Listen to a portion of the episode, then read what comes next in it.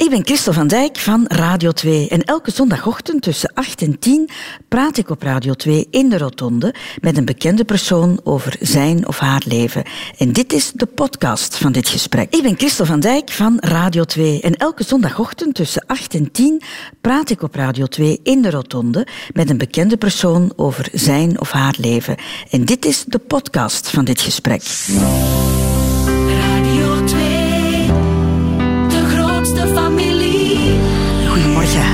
Ontbijttafel in de Rotonde in Westende zit vandaag journalist Michael van Drogenbroek. De man die we meestal te zien krijgen als er financieel nieuws is. Maar Michael, er zijn eh, nog andere cijfertjes die jij nauwgezet bijhoudt.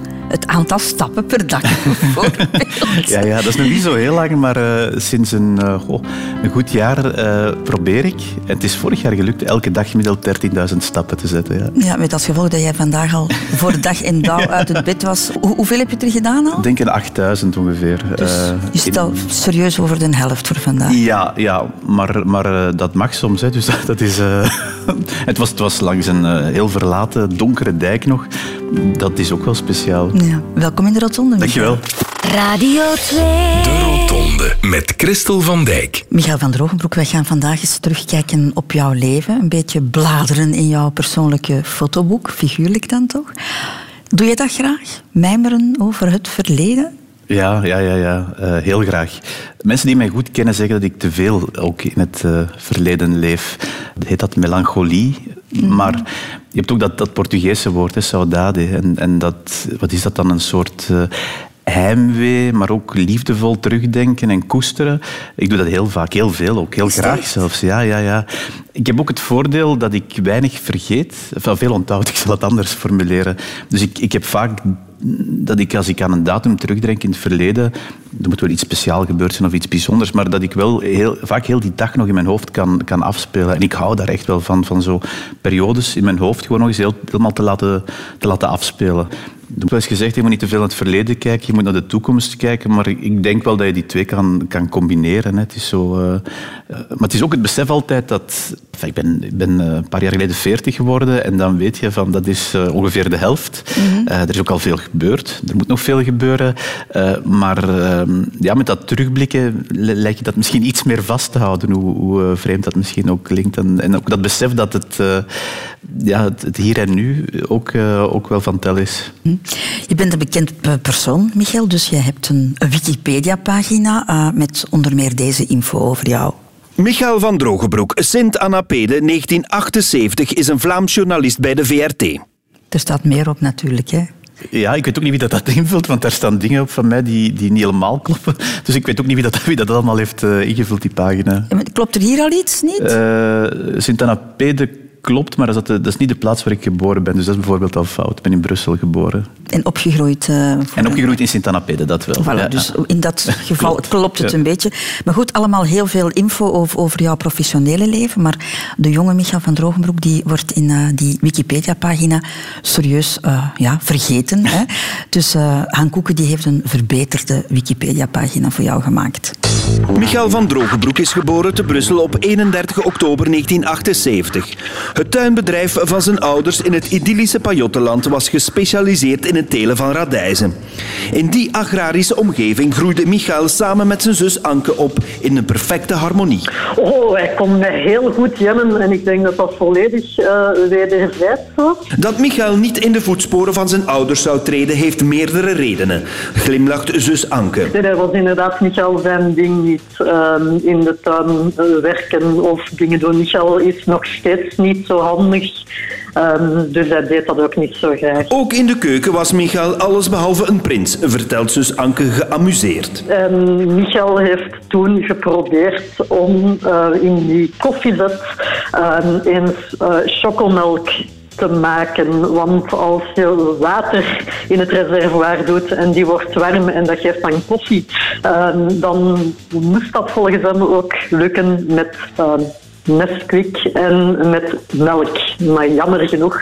En tot grote ergernis van onze ouders was dat blijkbaar toch niet het geval. Op andere vlakken bleek Michael dan weer wel een haantje de voorste, getuigt trotse vader Guy. Hij was heel jong als hij al uh, dactyloles volgde en altijd al heel handig geweest in, uh, in typen en zo. Ook zijn passie voor radio kwam al op jonge leeftijd bovendrijven, vertelt jeugdvriend Wart Nechelput, die Michael als 15 jaar geleden kennen bij Radio Pajottenland in Lennik. Hij presenteerde daar eigenlijk op die leeftijd al het uh, best beluisterde programma van de week, de Hitparade. Hij produceerde het ook, stelde het samen en hij deed dat onder uh, schuilnaam toen nog. En uh, Michael heette toen gewoon Michel van Laar. Maar ook als journalist schopte de illustere Michel van Laar het al snel tot de hoogste regionen van de streekkrant. we hebben ooit nog samen de zondag voor de regio Halle volgeschreven. De streekkrant en de zondag, ja, ook daar was wel duidelijk dat hij nog wel verder zou, zou schoppen. Want hij was daar ook na, na een paar maanden of zo, denk ik, deed hij daar ongeveer al de eindredactie. Maar naast een radio- en journalistenwerk had Michael nog één grote, verrassende passie, weet jeugdvriend Wart. Uh, dat had te maken met uh, collega-dj bij, bij een andere radio. Um, die was werkzaam in de funeraire sector en Michael had daar wel al zijn interesses voor geuit. En we hadden op die manier eigenlijk een uh, systeem gevonden om uh, iets bij te verdienen door te gaan helpen in een bij een begrafenisondernemer. Het was uiteindelijk de passie voor de journalistiek die het zou halen. Na zijn studies Polensok ging Michael als freelance journalist voor Radio 2 werken. In 2004 slaagde hij in het journalistenexamen van de VRT om uiteindelijk te beginnen bij de nieuwsdienst. And the rest is history. Heel veel dingen, Michael, waar we zo meteen over gaan praten. Hè, over jouw jeugd, over jouw passie voor radio, over het begrafeniswezen ook.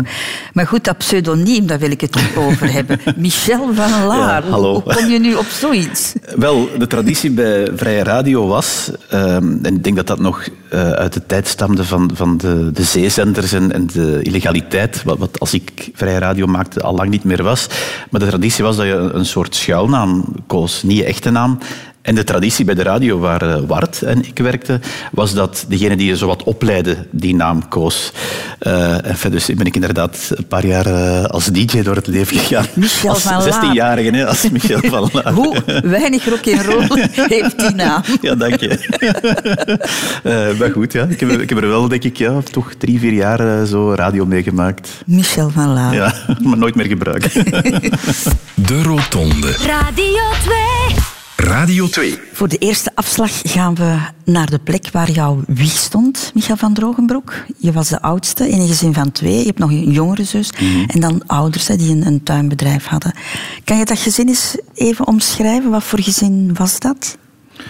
Ehm, er, er ontbreken eigenlijk nog twee mensen als je het echt over mijn eh, jeugdjaren hebt. Dat zijn mijn grootouders, de, de ouders van mijn vader. Want ehm, mijn eh, ouders hebben het tuinbouwbedrijf voortgezet van mijn grootvader, die dat had voortgezet van zijn vader.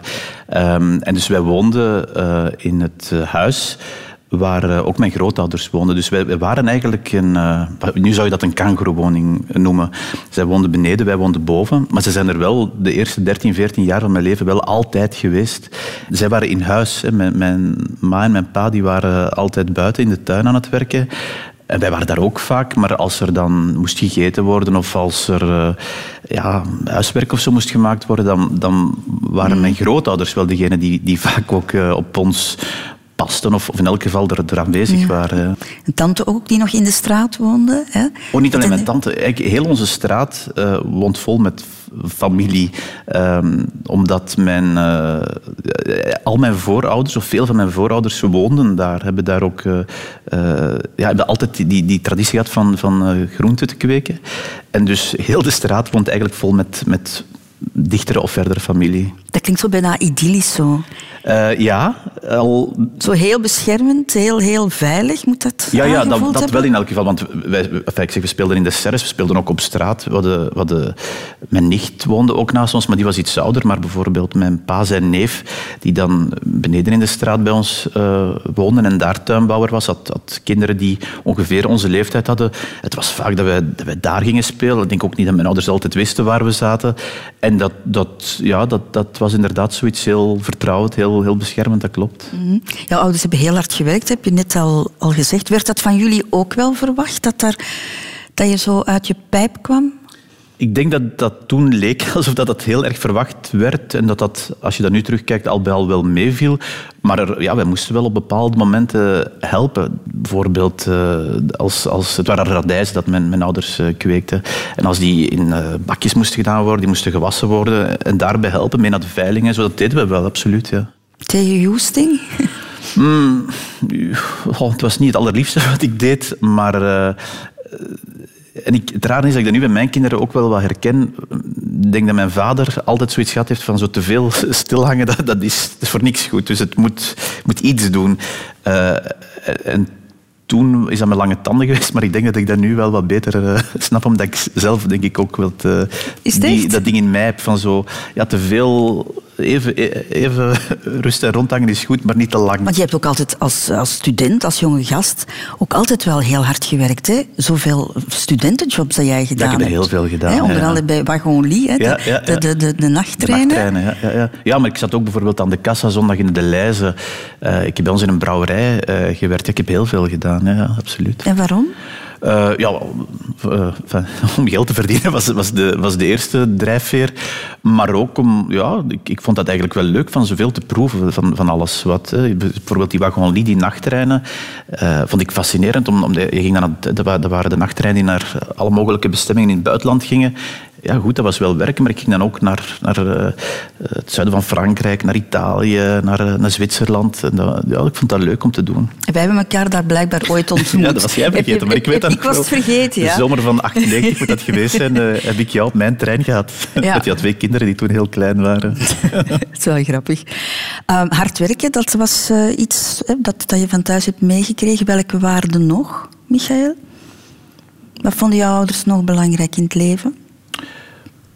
Ja, dat werd niet zo heel erg expliciet uitgesproken, maar eh, ik denk de waarde van vooral eh, wat je doet is misschien minder van tel, maar doe het goed en doe het, doe het met, eh, met passie en met gedrevenheid. Ik denk dat dat misschien wel de, de belangrijkste waarde is die ik meegekregen heb en die ik ook wel echt belangrijk vind. Van, en ook aan mijn kinderen wil meegeven van laat je door leiden door iets waar, waar je, wat het ook is, of het nu professioneel is of, of in hobby's of, of in wat dan ook, maar laat passie een, een drijfveer zijn. Doe, doe iets gepassioneerd, doe, doe, doe, doe wat, je, wat je wil, maar, maar eh, doe het ook wel goed dan. Mm. Je spreekt wel heel warm hè, over het gezin, over jouw ouders. Maar is dat niet logisch? Enfin, is, is dat... eh, ja, nee, misschien is het niet logisch hoor. Misschien is het, is het wel achteraf beseffen van... Ja, ik had twee ouders die- ook samengebleven zijn, die er altijd waren. Dat, dat, dat zijn wel dingen die je achteraf apprecieert natuurlijk. Hè. Mhm. In de band, want jij belt nog elke dag met jouw vader. Ja, dat weet je ook. Ja, ik bel elke dag, eh, elke dag, denk al al twintig jaar lang, elke dag met mijn vader. En dat is nooit lang, nooit. Want we, we zijn eigenlijk niet de familie van heel groot te worden en, en niet heel veel. Maar ja, er zal toch niet veel dagen geweest zijn. De voorbije twintig jaar dat ik niet eens bel. En dan vaak is dat gewoon van, hoe is het? Goed. En daar ook goed. Tot morgen. Maar mekaars aanwezigheid even voelen. Ja, ja, ja, ja absoluut. Ja, ja. Is het ook bezorgdheid van, van jouw O ja, kant uit? o ja, ja. En, en dat is het vreemde in zo'n eh, relatie met ouders en met ouder worden. Die bezorgdheid die kantelt op een bepaald moment. Eh, de bezorgdheid die zij lang over mij zullen gehad hebben.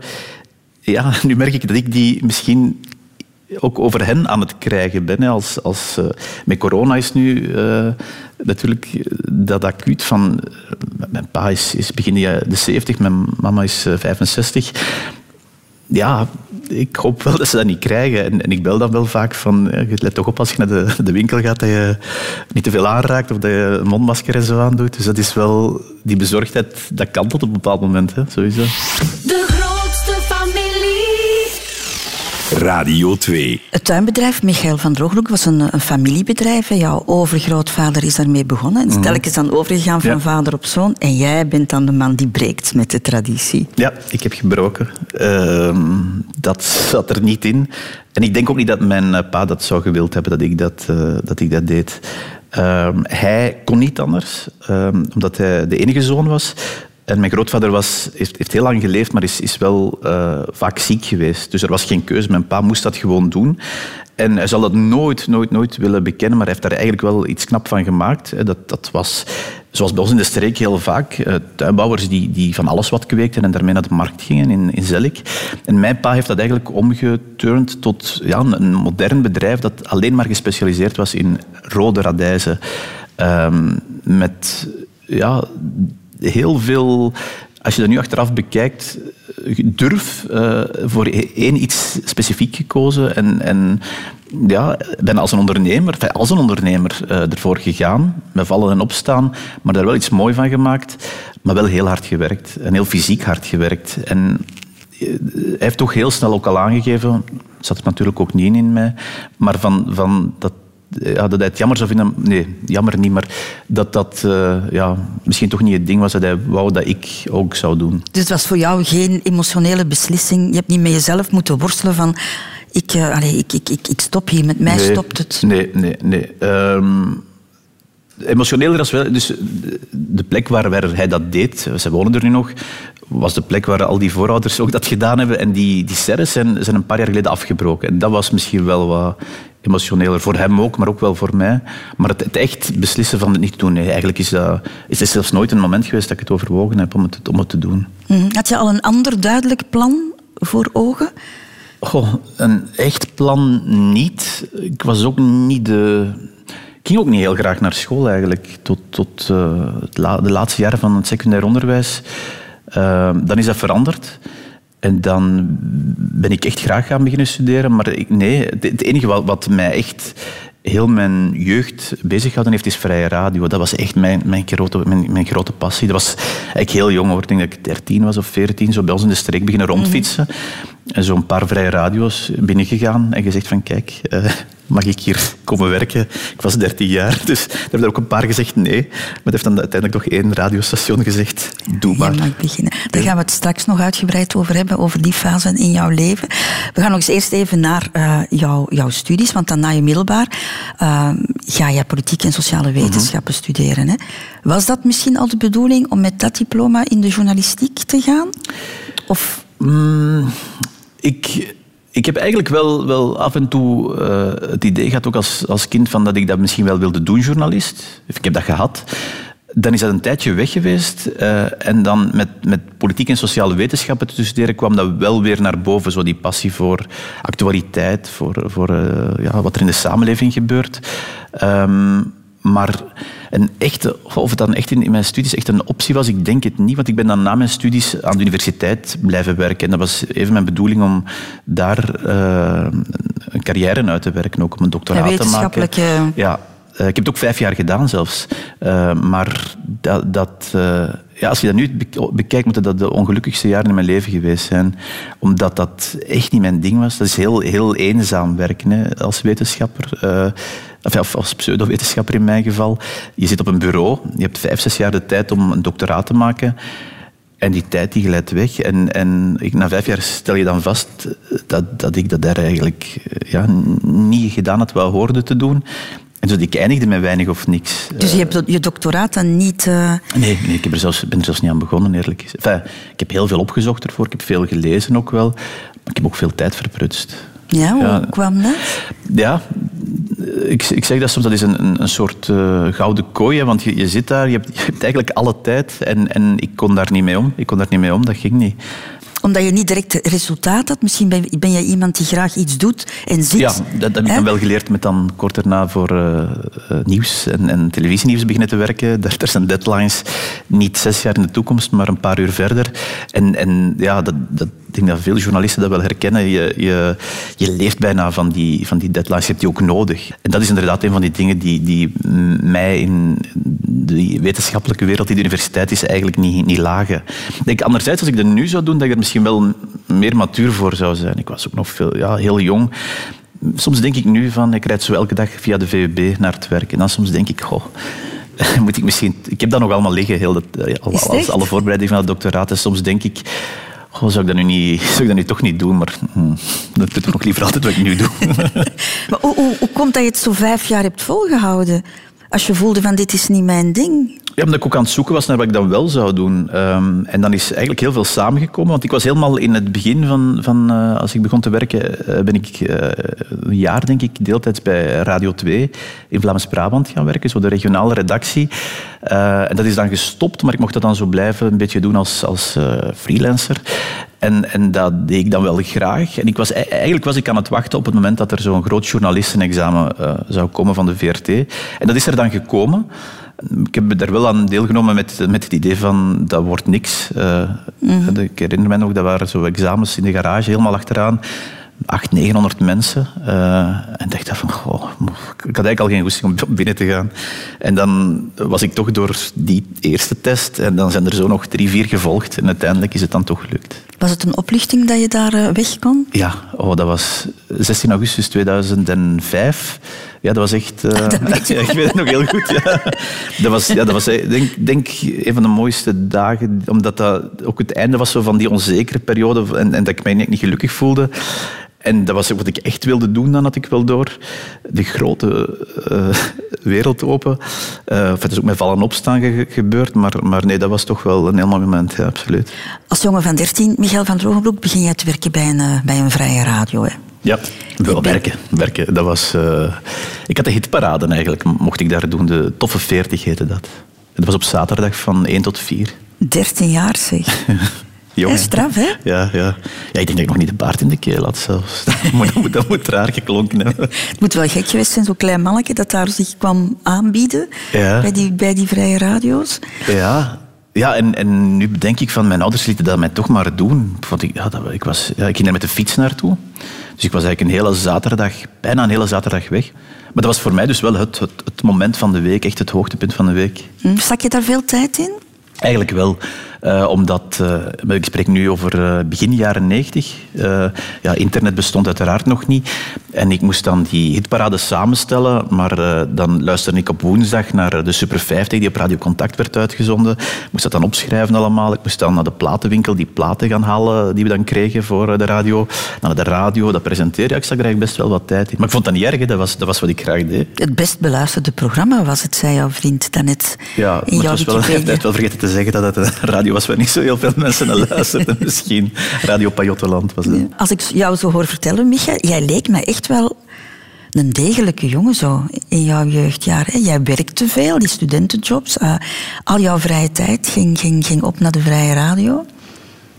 Ja, is dat, is dat degelijk? Ik weet, ik weet niet of dat, eh, nu het etiket was dat, dat veel op die vrije radio kleefde. Dat was, een, ja, dat was eigenlijk een beetje bezigheidstherapie. Eh, maar anderzijds denk ik wel dat ik nu achteraf kan zeggen dat ik daar wel heel veel geleerd heb, wat naderhand nog nuttig gebleken is. Ik heb op Radio 1 een paar jaar de ochtend gepresenteerd. Het is natuurlijk niet hetzelfde als de toffe 40 op Radio Pajottenland.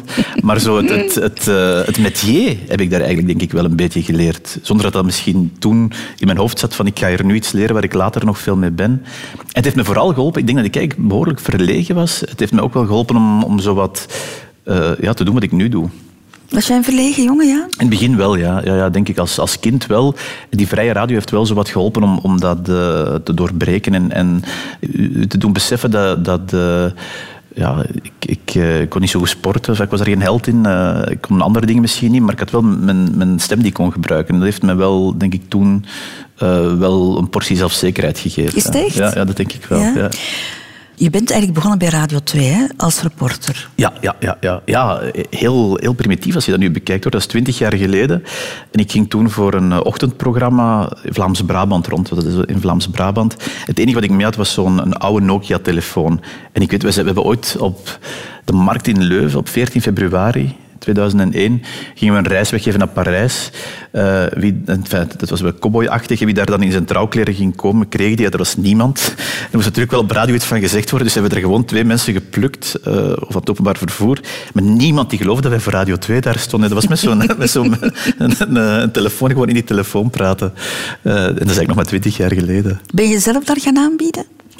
Ehm, ik had dat eh, zien hangen ergens, dat ze iemand zochten. Ehm, en ik ben, dat is dan heel snel gegaan. Ik denk dat op twee dagen is dat gegaan. Ik zag dat ergens hangen. Ik, ben naar, ik had gebeld, ik mocht gaan. En de dag erna mocht ik beginnen. Maar dan wou je nog een vaste job en dan moet je dus dat, uh, dat journalistenexamen gaan doen hè, op de VRT met honderden uh, mensen. Hoe vastbesloten was je toen om te slagen?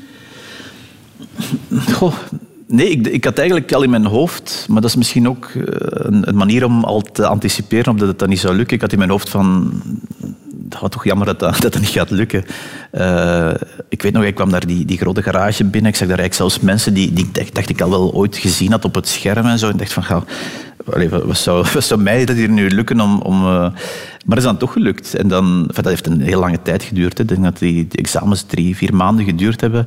Dat eindigde uiteindelijk met een, uh, een jurygesprek. Waar twee vragen gesteld werden. En die jury bestond uit vijf, zes uh, collega's uiteindelijk geworden. Hè. Maar uh, ik weet, Martin Tange zat daar ook, ook bij. Uh, nog een paar anderen die nu collega's zijn. Dat examen? Dat examen, ja, dat, dat, was het slot. Dat was eigenlijk het, er waren altijd schiftingen. Dus je begon met heel veel, een beetje minder dan andere examen. En het, het slot was echt een, een mondelinge proef van een half uur voor zo'n jury van zes, zeven man. Uh, en ik weet die eerste, het was een, er werd op voorhand gezegd, je krijgt een binnenlandse vraag en een buitenlandse vraag. En die binnenlandse vraag ging over uh, politiek. En die, die, die kende ik echt wel, omdat ik dat toen echt aan het volgen was. En, en dan blijven ze doorvragen, dat, dat, lukte. De tweede buitenlandse vraag ging over Irak. Ik ook wel een beetje over vertellen, maar ja, ik wist ook wel dat er ging doorgevraagd worden. En dat was dan... Ja, en op een bepaald moment, het heeft me daar nu met haar pensioen nog eens aan herinnerd, uh, vroeg Martin... Ja, um, vertel dan eens over de Shiiten en de Soenieten en hoe zit dat en wie is de meerderheid en de minderheid. Ik heb dat gegokt en ik had verkeerd gegokt. Uh, ik heb dat dan ook gezegd. En dan begonnen ze te lachen en dan dacht je, ofwel lachen ze me nu uit, ofwel vinden ze het, uh, dat ik nog er goed mee wegkom. Het is het laatste gebleken dan uiteindelijk. Mm. Je bent nu de financiële experte van, van de VRT. Was dat ook jouw eigen keuze? Ja, eigenlijk wel. Uh, kort na dat, dus dat, dat, ik uh, dat examen was geslaagd, mocht ik dan... want ik wou eigenlijk bij radio beginnen, maar, maar met radio nieuws. Maar dan kreeg ik telefoon van de tv of ik wou langsgaan. En, en ja, vroegen ze of ik daar wou beginnen. En ze vroegen dan ook, wat, wat, wil, wat wil je dan eigenlijk doen? En um, ik zei dan, eigenlijk graag politieke verslaggeving. Hmm, dacht ik kijken, die, die reis wel heel lang. Of economische verslaggeving. En dan zag ik hun ogen wel wat, uh, wat opflikkeren. En uiteindelijk heb ze allebei kunnen doen, dus dat is eigenlijk nog wel mooi geweest. Radio 2. De Rotonde. Michael van Drogenbroek, je hebt een opleiding voor begrafenisondernemer gevolgd. Hè? Want dat was ook, naast journalist worden, een van jouw dromen als ja, jonge ja, ja. gast. Ja, ja. Niet alledaags voor een jonge gast, toch? Allicht niet, nee, nee, nee. Maar ik heb er nu intussen nog wel leren kennen die dat ook uh, hebben. En uh, dat is nooit weggegaan wel. Uh, ik heb het ook kunnen uitoefenen bij een begrafenisondernemer. drie, vier jaar lang. En ik, ik blijf erbij, ik heb het al vaak gezegd, ik denk dat dat een van de mooiste beroepen is die je kan doen. Omdat je ja, als iemand sterft, en dat heb ik wel geleerd met dat te doen ook, of dat dan nu iemand jong of oud is of heel oud, dat doet een familie pijn altijd. En op dat moeilijke moment, als begrafenisondernemer, ben je zowel wat de gids voor die, die familie, die uh, komt vaak ontredderd, uh, is, is, moet met van alles bezig zijn, maar heeft eigenlijk verdriet. En als begrafenisondernemer moet, of is toch je opdracht, denk ik, om dan heel empathisch uh, die vijf, zes dagen tussen het sterven en het afscheid, ja, om daar eigenlijk een beetje de gids te zijn, om, om daar uh, de brug te zijn voor, voor die familie en, en al die dingen die op hen afkomen ook een beetje te helpen. En ook nog eens een luisterend oor te bieden. Mm-hmm. Klopt het dat het in jouw hoofd gerijpt is, of van gerijpt klinkt nu, uh, uh, ja, misschien is niet, niet het goede woord voor een jonge kerel, maar dat het te maken had met een begrafenis van, van, van een buurvrouw? Ja, ja dat is uh, onze buurvrouw, die denk ik als ik zes was of zoiets, gestorven is. En ik ben dan met mijn mama naar die begrafenis geweest. En ik was toen wel echt onder, ja, onder de... Dat was nog het moment... Nu, nu ik denk niet dat er dan nog begrafenisondernemers doen, maar dat was onze begrafenisondernemer in het dorp. Die uh, kwam dan met zo echt een kepies en, en van die chique ik was er onder de indruk van. Uh, en dan als mijn grootvader gestorven is, uh, die woonde bij ons, weet ik dat ik het zo heel vreemd vond. Hè. Die, die is dan gestorven bij ons in thuis. En dan plots werd hij weggehaald en was die weg. En ik, heb het ook altijd zo vreemd gevonden. En, en zo die momenten waren daar wel, denk ik, bepalend voor, voor dat ik dan daar toch ergens een interesse voor had van, van hoe dat dan liep, wat, hoe, hoe dat dan ging, wat, wat er dan gebeurde met, met iemand die gestorven was en waar die naartoe ging en, en wat die mensen dan deden. Mm. En dan heb je ook een tijdje als, als jonge gast bij een begrafenisondernemer gewerkt. Hè? Enfin, een, een zestal jaren zeker, hè? Toch, Eh, toch ja, ik, ik heb een, ja, een paar jaar in Aalst, een paar jaar in Leuven gedaan. Dus ik denk alles samen een, een vier, vijf jaar. Ja, ja. En wat moest je daar doen? Alles. Eh, we zijn begonnen ooit, hè, Bart heeft dat denk ik in het begin verteld, met eh, ehm, de ceremonies mee te doen. Dus dat betekent de kist binnendragen, naar het kerkhof gaan, of naar de begraafplaats gaan. Ehm, maar uiteindelijk heb ik eh, meegeholpen ook met overleden te gaan halen, te, op, op te baren, klaar te maken voor als de familie komt. Ja, die dingen. Het heeft wel iets heel zorgzaam, hè? Eh, ja, dat moet ook. Allee, dat is logisch. Ja, je, zo, ja, dat is natuurlijk wel iemand die heel veel betekend heeft voor, voor eh, mensen. Je kent die natuurlijk vaak niet, wie, wie er gestorven is. Maar mm, die mensen die je ziet, kennen die wel. En, en je ziet die emoties natuurlijk wel. Dus dat, dat, uiteraard is, is dat iets heel zorgzaam. Daarom, die- ik denk dat echt het, het mooiste is wat je voor mensen kan doen, is op zo'n moment ze helpen. Wat typeert jou dat ook, zo, dat zorgzaam? Heb je dat in, in jou? Hmm, hm, dat is een goede vraag. Misschien, ja, misschien niet, is dat niet het eerste wat mensen denken aan mij als ze aan mij denken. Eh, maar het zal wel wat meespelen, ja. ja. Weet je wat wel is? Eh, ehm, ik heb dan mijn andere grootvader gezien als die gestorven is. Ik heb het veel moeilijker als, als mensen heel ziek zijn. Dan, dan, dan, dan vind ik het moeilijk om daar naartoe te gaan. En het vreemde is met de dood, dat geeft ook een soort rust. Het is gedaan, het is voorbij en, en het, het afscheid nemen begint. Eh, dus zorgzaam, ja, ook in die context denk ik dat dat belangrijk is dan om te zeggen. Mhm. Je hebt ooit gedacht om, om, om zelf een begrafenisonderneming te starten, hè? Ja, eh, daar was gelukkig mijn vader dan met de realiteit van... eh, dat is niet evident. Zeker eh, als je vandaag zou doen, nog veel minder. Je moet investeren in, een aula, in een funerarium, in, in wagens. Je hebt, je hebt ook, dat is niet zoals een bakker die zegt van ik begin hier, mensen kom maar. Nee, je gaat een begrafenisondernemer als iemand gestorven is. En dan kies je vaak de naam die eh, al generaties lang in dat dorp gebruikt wordt voor eh, begrafenissen. Dus dat is, ik denk dat dat onrealistisch is. Maar het, dat blijft wel in mijn hoofd spelen om, dat, om daar ooit iets mee te doen, ja, absoluut. Maar ik begrijp dat wel. Dus Ja, vandaar wat- dat ik daar dan mee? Ja, ik, heb een paar keer ook zoiets moeten doen op een begrafenis. En ik, ik vond dat heel indrukwekkend, heel emotioneel wel. En ik heb daar zelfs met een vriendin over gesproken om samen te beginnen, echt waar. Zij zou de administratie doen, want dat is Ja. niks voor mij. En ik ging mij dan bezighouden met de, met de ceremonie. Maar het zullen ook, denk ik, zullen bij, dromen blijven. Ja, maar je moet dat, als, je dat, als je dat graag doet, moet, je dat denk ik wel doen. Het is een job waar je van heel, heel veel dankbaarheid ervaart. Dat is eigenlijk het, het punt. Heel, eh, men- mensen zijn heel verdrietig, maar zijn zo dankbaar. En, en dat vind ik wel mooi, dat je, je iets kan doen. Wat, je, echt, je ziet één op één wat dat betekent voor mensen. Eh, want het is nu, eh, sinds corona, is, een, eh, vriend van mij is begrafenisondernemer in de gemeente waar ik woon. En die belde, ja, er kan eigenlijk niks. Hè. Je kan geen begrafenis eh, houden, alleen maar met heel, heel weinig mensen, 15 mensen. En hij vroeg, kan je eens komen zo teksten voorlezen voor mensen. Dus ik doe dat nu een paar, ik heb dat nu al enkele keren gedaan. Dus je bent terug begonnen eigenlijk. Ja, voorzichtig, maar niet met, die, allee, met, eigenlijk met, met wat jij dan zegt, hè, van, van zo'n een afscheid aan elkaar te praten voor die mensen, als het ook past met het werk natuurlijk. Dat is eh, ja, nu ook wel heel bijzonder. Dat is voor, altijd voor maximum 15 mensen. In, in vreemde omstandigheden. En je moet dan soms zeggen van, je moet vragen dat je de, die kist niet aanraakt door de omstandigheden. En dan zie je daar mensen die gebroken zijn, die, die die kist niet kunnen aanraken van hun, eh, van hun dierbaren. Ja, dus, Op dat vlak zijn, zijn ja, die coronarealiteit maakt ook zo dat het moeilijkste in het leven nog moeilijker wordt, denk ik, op dat vlak. Zit de kans erin dat je helemaal daarop gaat richten? Nee, denk niet. Enfin, ik weet het niet. Misschien wel, maar nee, denk het niet. Maar het is, ik vind het wel fijn dat ik het nu af en toe eens kan bijdoen terug. Radio 2. De afslag liefde, Michael van Drogenbroek. Zullen we die eens nemen? Met wat voor beeld ben jij op dat gebied opgegroeid? Een beeld van liefde. hmm, ja, ik, ik, in een heel gewoon gezin. Hè. Een gezin waar, waar eh, mama en papa altijd waren. En, en dat, dat het evident leek. Een eh, traditioneel gezin. Dat is eigenlijk het beeld waar ik mee opgegroeid ben. Ja. Heb je daarover nagedacht als tiener? Nee, eigenlijk niet. Om eerlijk te zijn, helemaal niet. Zelfs als... eh,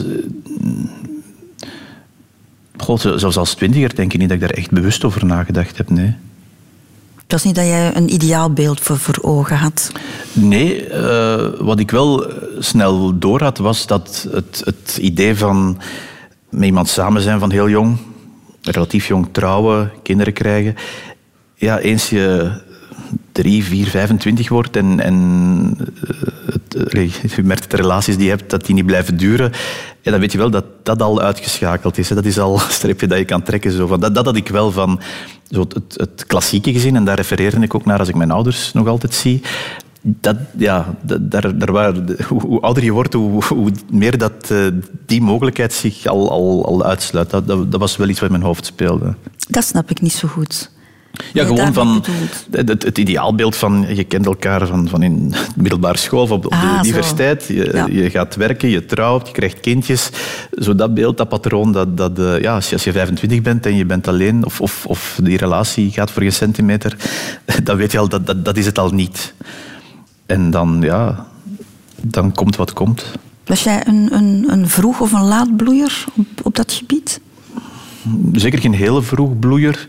Ik ging ook naar een jongensschool. Dat was een, school waar alleen maar jongens zaten tot de twee laatste jaren van het secundair. Dan eh, was het gemengd, dan waren er vier of vijf meisjes. En dan, ik vond dat wel vreemd hoor, want dan merkte je zo de relatieve rust in zo'n jongensschool. Plots was die eh, er niet meer, hè, want je kreeg handjes de voorste, die, die dan naar die meisjes toe. Eh, dus dan is dat wel wat veranderd, denk Is ik. dat op echt, heeft dat de dynamiek in, in, in, een, in een school Oh ja, veranderd? oh ja, ja, ja, ja, ja. Dat, als, als, als sociologisch experiment zou dat fantastisch zijn om dat nog eens... om dat nog, ja, praktisch ook al. Hè. Dus we, we, altijd een jongensschool geweest. En dan plots moesten daar echt ruimtes in twee. Bijvoorbeeld in, in de turnzaal werd daar een, een houten paneel ergens gezet. Het een was voor de meisjes, het ander voor de jongens. Ehm, maar ook het gedrag was gewoon... Dat was wel, dat was wel leuk om te zien. Je hebt daarvoor gezegd dat je vrij verlegen was als, als tiener, ook op dat gebied.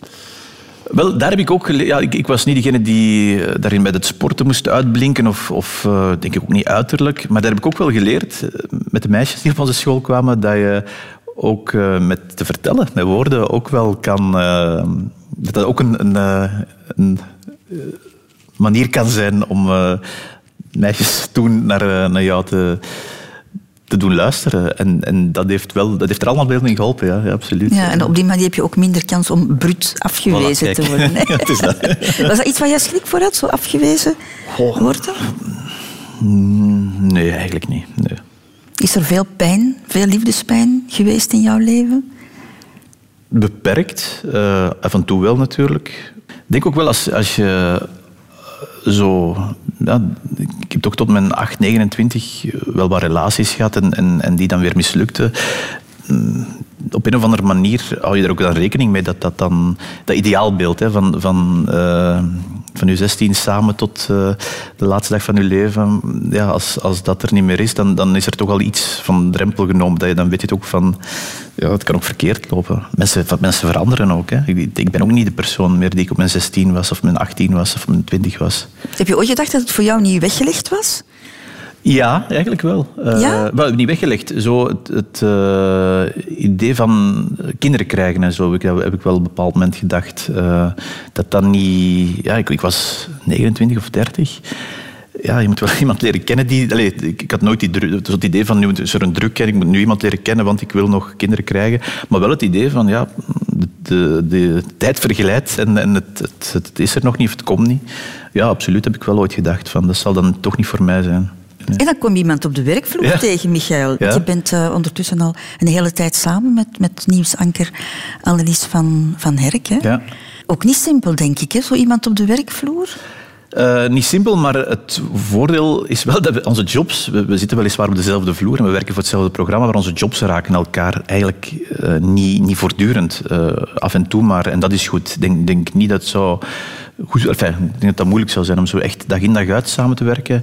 Maar eh, we werken soms samen, soms niet samen. En we, soms raakt het elkaar, soms niet. En dat is genoeg om het ook boeiend te houden. En dat je s'avonds ook nog iets te vertellen hebt. Want haar dag was niet de mijne en omgekeerd. Maar je weet, jullie zijn dan twee bekende mensen. Je wist dan van, dat gaat over geschreven worden. Hè? Ja, maar dat was, dat was wel niet waar we aan dachten toen we eraan begonnen. Ehm, of, of toch ook niet de intentie om, om, het, eh, om het dat te leiden. Want ja, ze, had, ze had een kindje ook al. Dus, dus het, het ding is wel dat door samen te komen er plots heel veel stukjes eh, bijna als een puzzel in elkaar vielen. Hè. Plots eh, ja, zorgde ik meer voor een... Of, of toch deeltijds mee voor een, eh, een zoontje. Plots was er die structuur wel. Dus ik, ben, ik zeg altijd, ik ben eigenlijk in iets gestapt dat, dat een, een soort heel eh, duidelijke structuur had. En dat maakt dus die twijfels waar je het over had, die er wel waren, plots waren die weg. Want het, het was gewoon een, een soort instapklaar moment om... om en plots was alles er. Kan ik zeggen dat kiezen voor elkaar op dat moment niet evident was? Oh ja, dat mag je zeker zeggen. Ja. Maar, maar daar heb je ook niet heel lang stil bij gestaan hoor. Dat was, ja, als het er is, het, ja, je, kan het even ontkennen of, of proberen te onderdrukken. Maar als, als het er dan is, ja, dan ofwel duur iets mee ofwel niet. Maar, maar daar vind ik wel dat je dan moet uh, maar voor enfin, we hebben dat ook gedaan, hè, voor gaan en, en uh, helemaal voor gaan. Maar evident was dat niet, nee, dat klopt. Omdat er ook anderen bij betrokken zijn Ja, natuurlijk. Hè? absoluut. Ja, ja, ja, ja. Dat is toch een, eh, een andere manier om niet zo onbevangen... Hè? Dat is zo. Eh, en en eh, ja, plots werden mijn ouders ook een beetje grootouders. zo plotsklap.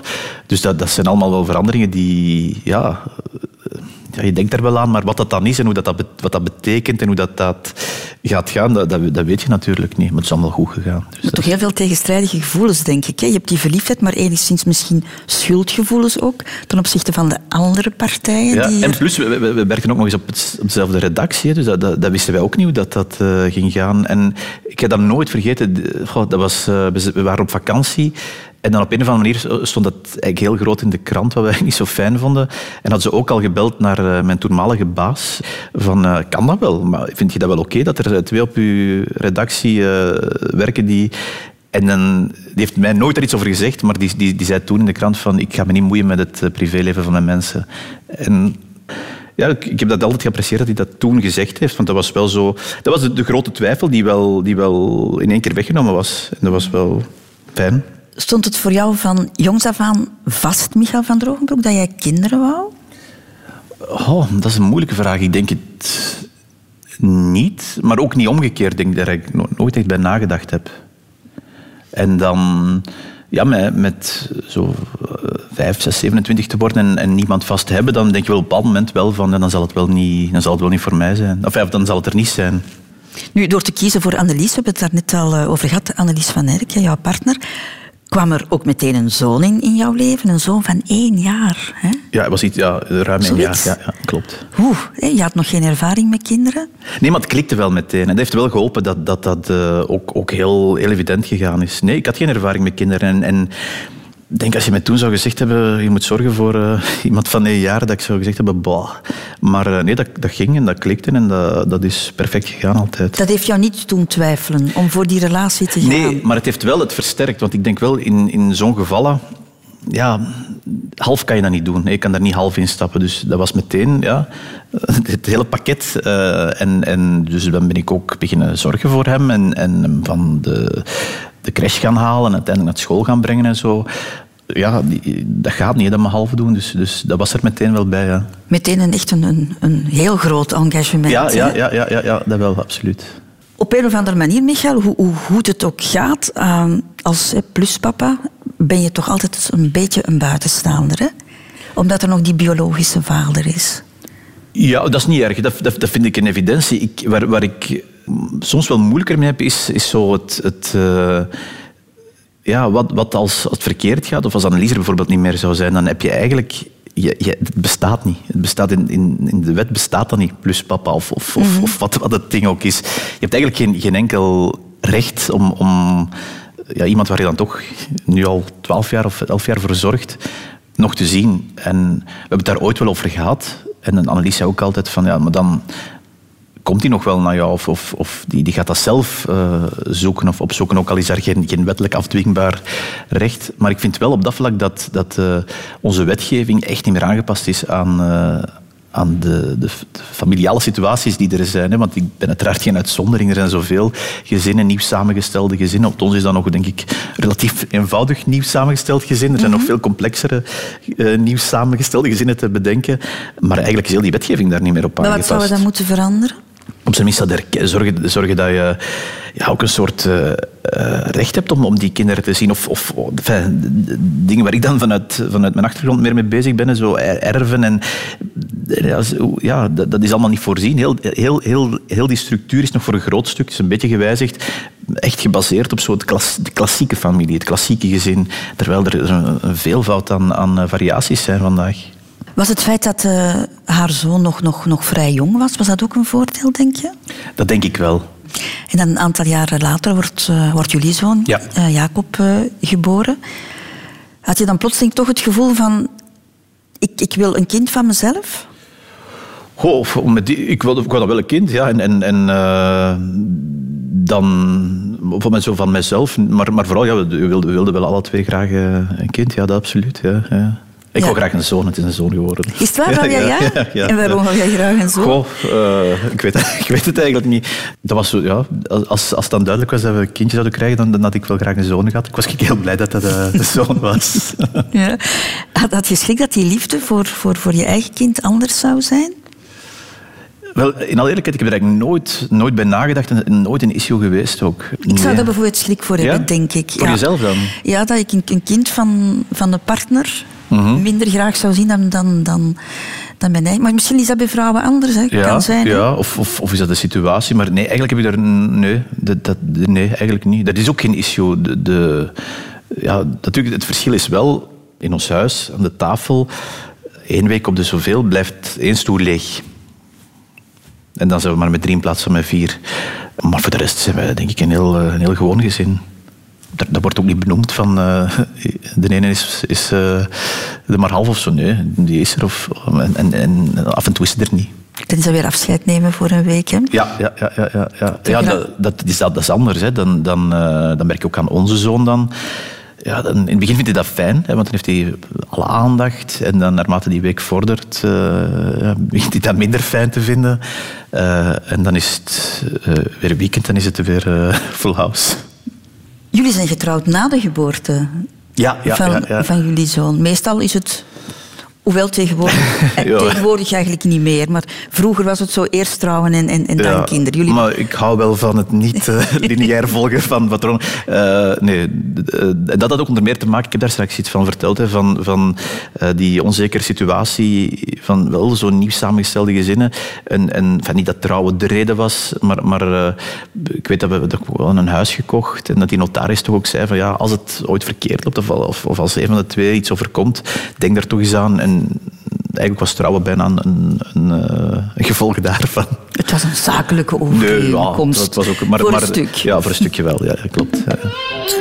Radio 2. Dit is Radio 2. We hebben het daarnet al zijdelings over de dood gehad, Michael van der Ogenbroek. Toen we het hadden over jouw opleiding als eh, begrafenisondernemer en, en, en de jaren dat je daar eh, ook gewerkt hebt. En nu nog een beetje in die sector eh, actief bent. Maar we hebben het nog niet over jouw eigen laatste afslag gekeken. Hoe kijk jij daarnaar? Goh, ehm, ik denk daar vooral nog niet te veel aan, eh, eerlijk gezegd. Nee? Nee, nee.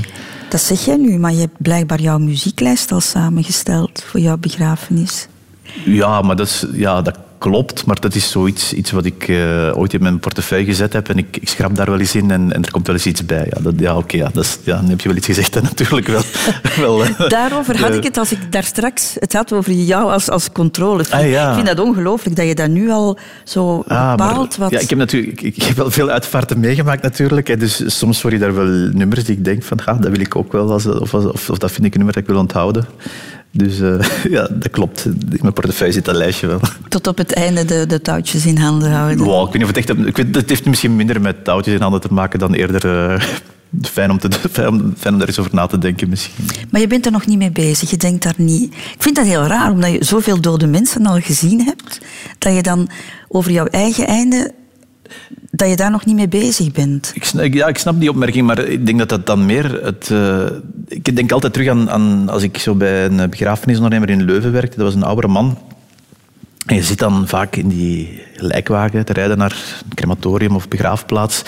Ja, dat, dat, dat, geeft soms fundamentele gesprekken eh, met iemand die je misschien niet heel goed kent. En ik weet, je komt dan zo'n eh, koelkamer binnen waar, waar dode mensen liggen. En daar lagen er vaak ook mensen van, jongere mensen die mijn leeftijd hadden. Ik weet dat die, als we daar zo stonden, van ja... Kijk, dat is nu de reden zei, waarom ik nooit met ruzie met iemand ga slapen. Want het kan altijd eh, gedaan zijn. En dat heb ik wel onthouden. Dus dat maakt niet dat je met je eigen einde bezig bent, maar misschien wel met het bewust leven op dit moment. En ik denk dat dat belangrijker is dan ergens ja, iets wat je toch niet weet en dat je toch eigenlijk weinig vat op hebt bezig te zijn. Eh, en eerder dat zich laat vertalen in eh, vandaag eh, bewust leven. Wendt dat ooit die confrontatie met, met de dood en met die dode lichamen die je in de loop der jaren gezien hebt? Mm, dat is een moeilijke vraag. Ehm, op zich met het gegeven denk ik wel. Ehm, wat natuurlijk niet wegneemt dat als daar iemand zou liggen die jezelf dierbaar was, dan is dat natuurlijk een heel andere paar mouwen. Dan, dan, eh, dan is dat iemand die voor jou eh, veel betekend heeft, die, die, die sterft. En ik denk dat dat toch niet bent, dat dat, dat nooit bent. Ik denk ook gewoon dat, dat, er, dat dood gewoon veel te veel taboe is nog in ons. In bij, er wordt zelden over gepraat. Mensen denken er ook niet over na.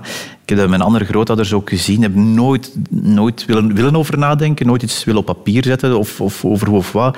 En dan plots is het wel het moment daar en, en, en is er niks. Hoop je dat er iets komt? Mm, ik, enfin, ik ben van overtuigd dat dat niet zo is. Dus dan hoop ik het nee. Nee, ik hoop, enfin, nee, nee, ik hoop het niet. Ik denk het, enfin, hoop misschien wel, maar ik ben er, ben er eigenlijk redelijk zeker van dat er niks komt dat gedaan is. En dat kan jij aanvaarden? U kan dat perfect aanvaarden, ja. ja, ja.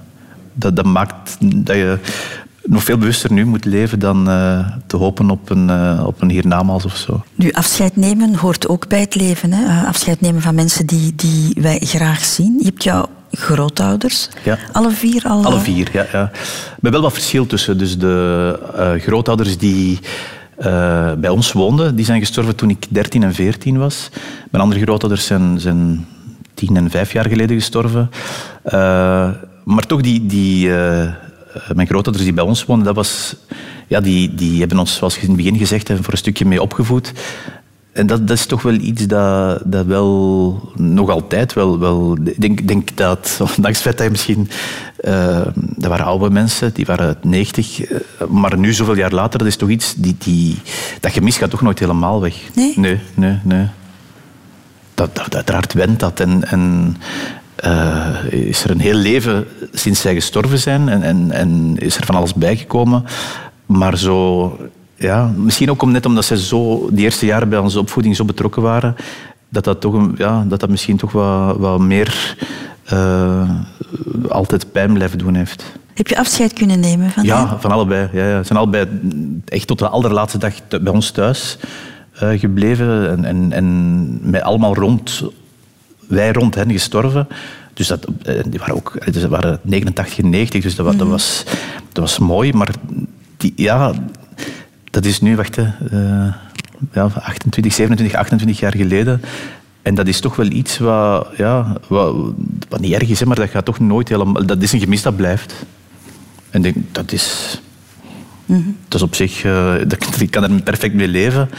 Maar ik denk... Ik, allez, ik, weet, ik weet al heel lang van... Ja, als er mensen zijn die echt veel betekenen... Echt wennen, wennen, wennen... Doet dat toch nooit helemaal, denk ik. Is het uh, mooi als mensen thuis kunnen sterven? Ja, ja, ja ik denk dat wel. Uh, want mijn andere grootouders zijn in, in, het ziekenhuis gestorven en dat, ja, het verschil was groot, was heel groot. Um, het is natuurlijk ook, ik denk dat mijn, mijn grootouders die bij ons thuis dan gestorven zijn, er op een of andere manier ook wel vrede mee hadden. De hele familie stond er ook rond. Dat was, dat was eigenlijk een, een heel intens moment hoor. Mijn grootvader is gestorven kort na koning Boudewijn overleden is, in begin augustus 93. Uh, en ik, ik herinner me dat, dat beeld nog, want op, op tv waren dan zo die uh, rijen te zien die aan het Koninklijk Paleis stonden. En op dat moment stonden wij zo aan, aan mijn grootvader zijn bed. Ja, dat was, dat is, als, ik, als ik soms die beelden terug moet ik daar nog wel aan denken. Klopt het dat jij nog regelmatig naar hun graf gaat? Ja, ja, ja. ja, ja. Uh, enfin, regelmatig. Ja, toch nog... Als, als ik bij mijn ouders kom, dan, dan uh, gebeurt dat nog vaak, ja. ja. En, en uh, mijn zoon, die, als, als bij mijn ouders is in de zomer, die tennis daar vlakbij, die kent die plek ook en die gaat er ook nog wel eens naartoe. Dus dat is op zich ook wel mooi. Van, gewoon om nog eens bij stil te staan, bij na te denken. Ja. Op, op een of andere manier is dat toch ook mooi dat, dat mensen, als ze gestorven zijn, zo ergens blijven in de gedachten. Uiteraard zijn ze dood, maar als je in de gedachten van mensen blijft, dan is dat, dan, dat moet toch mooi zijn voor, voor mensen. Mijn zoon heeft ook de, de naam van mijn... Allez, de, tweede, de tweede naam van mijn zoon is ook de naam van mijn grootvader. Ah ja. ja, ja, ja.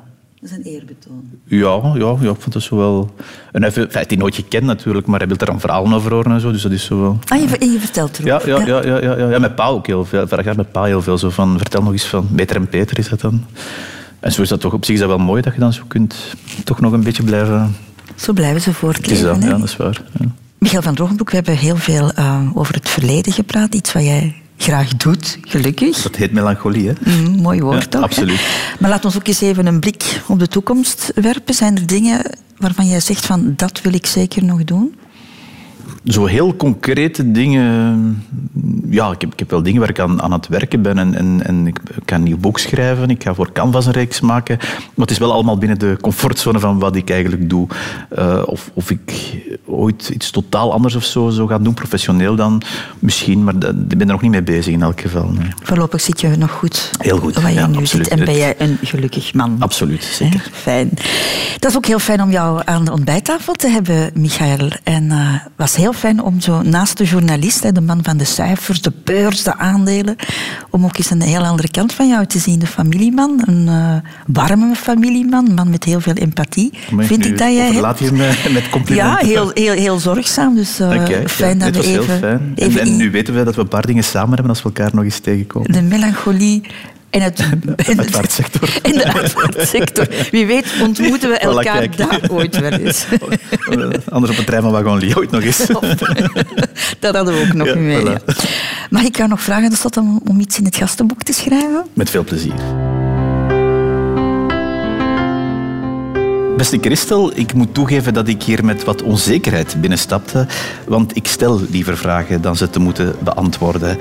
En ik praat eigenlijk ook niet graag te veel over mezelf. Ik vind discretie op dat vlak een mooie deugd. Maar kijk, het was een heerlijke ochtend, nostalgisch, melancholisch terugblikken en dat met zicht op Heb de je Noordzee. genoten van dit gesprek? Dankjewel voor de Wel, uitnodiging. dan Al zeker goed. ook de andere afleveringen van de Rotonde. En nog meer podcasts van Radio 2? Ook de rechtvaardige rechters vind je in je podcast-app.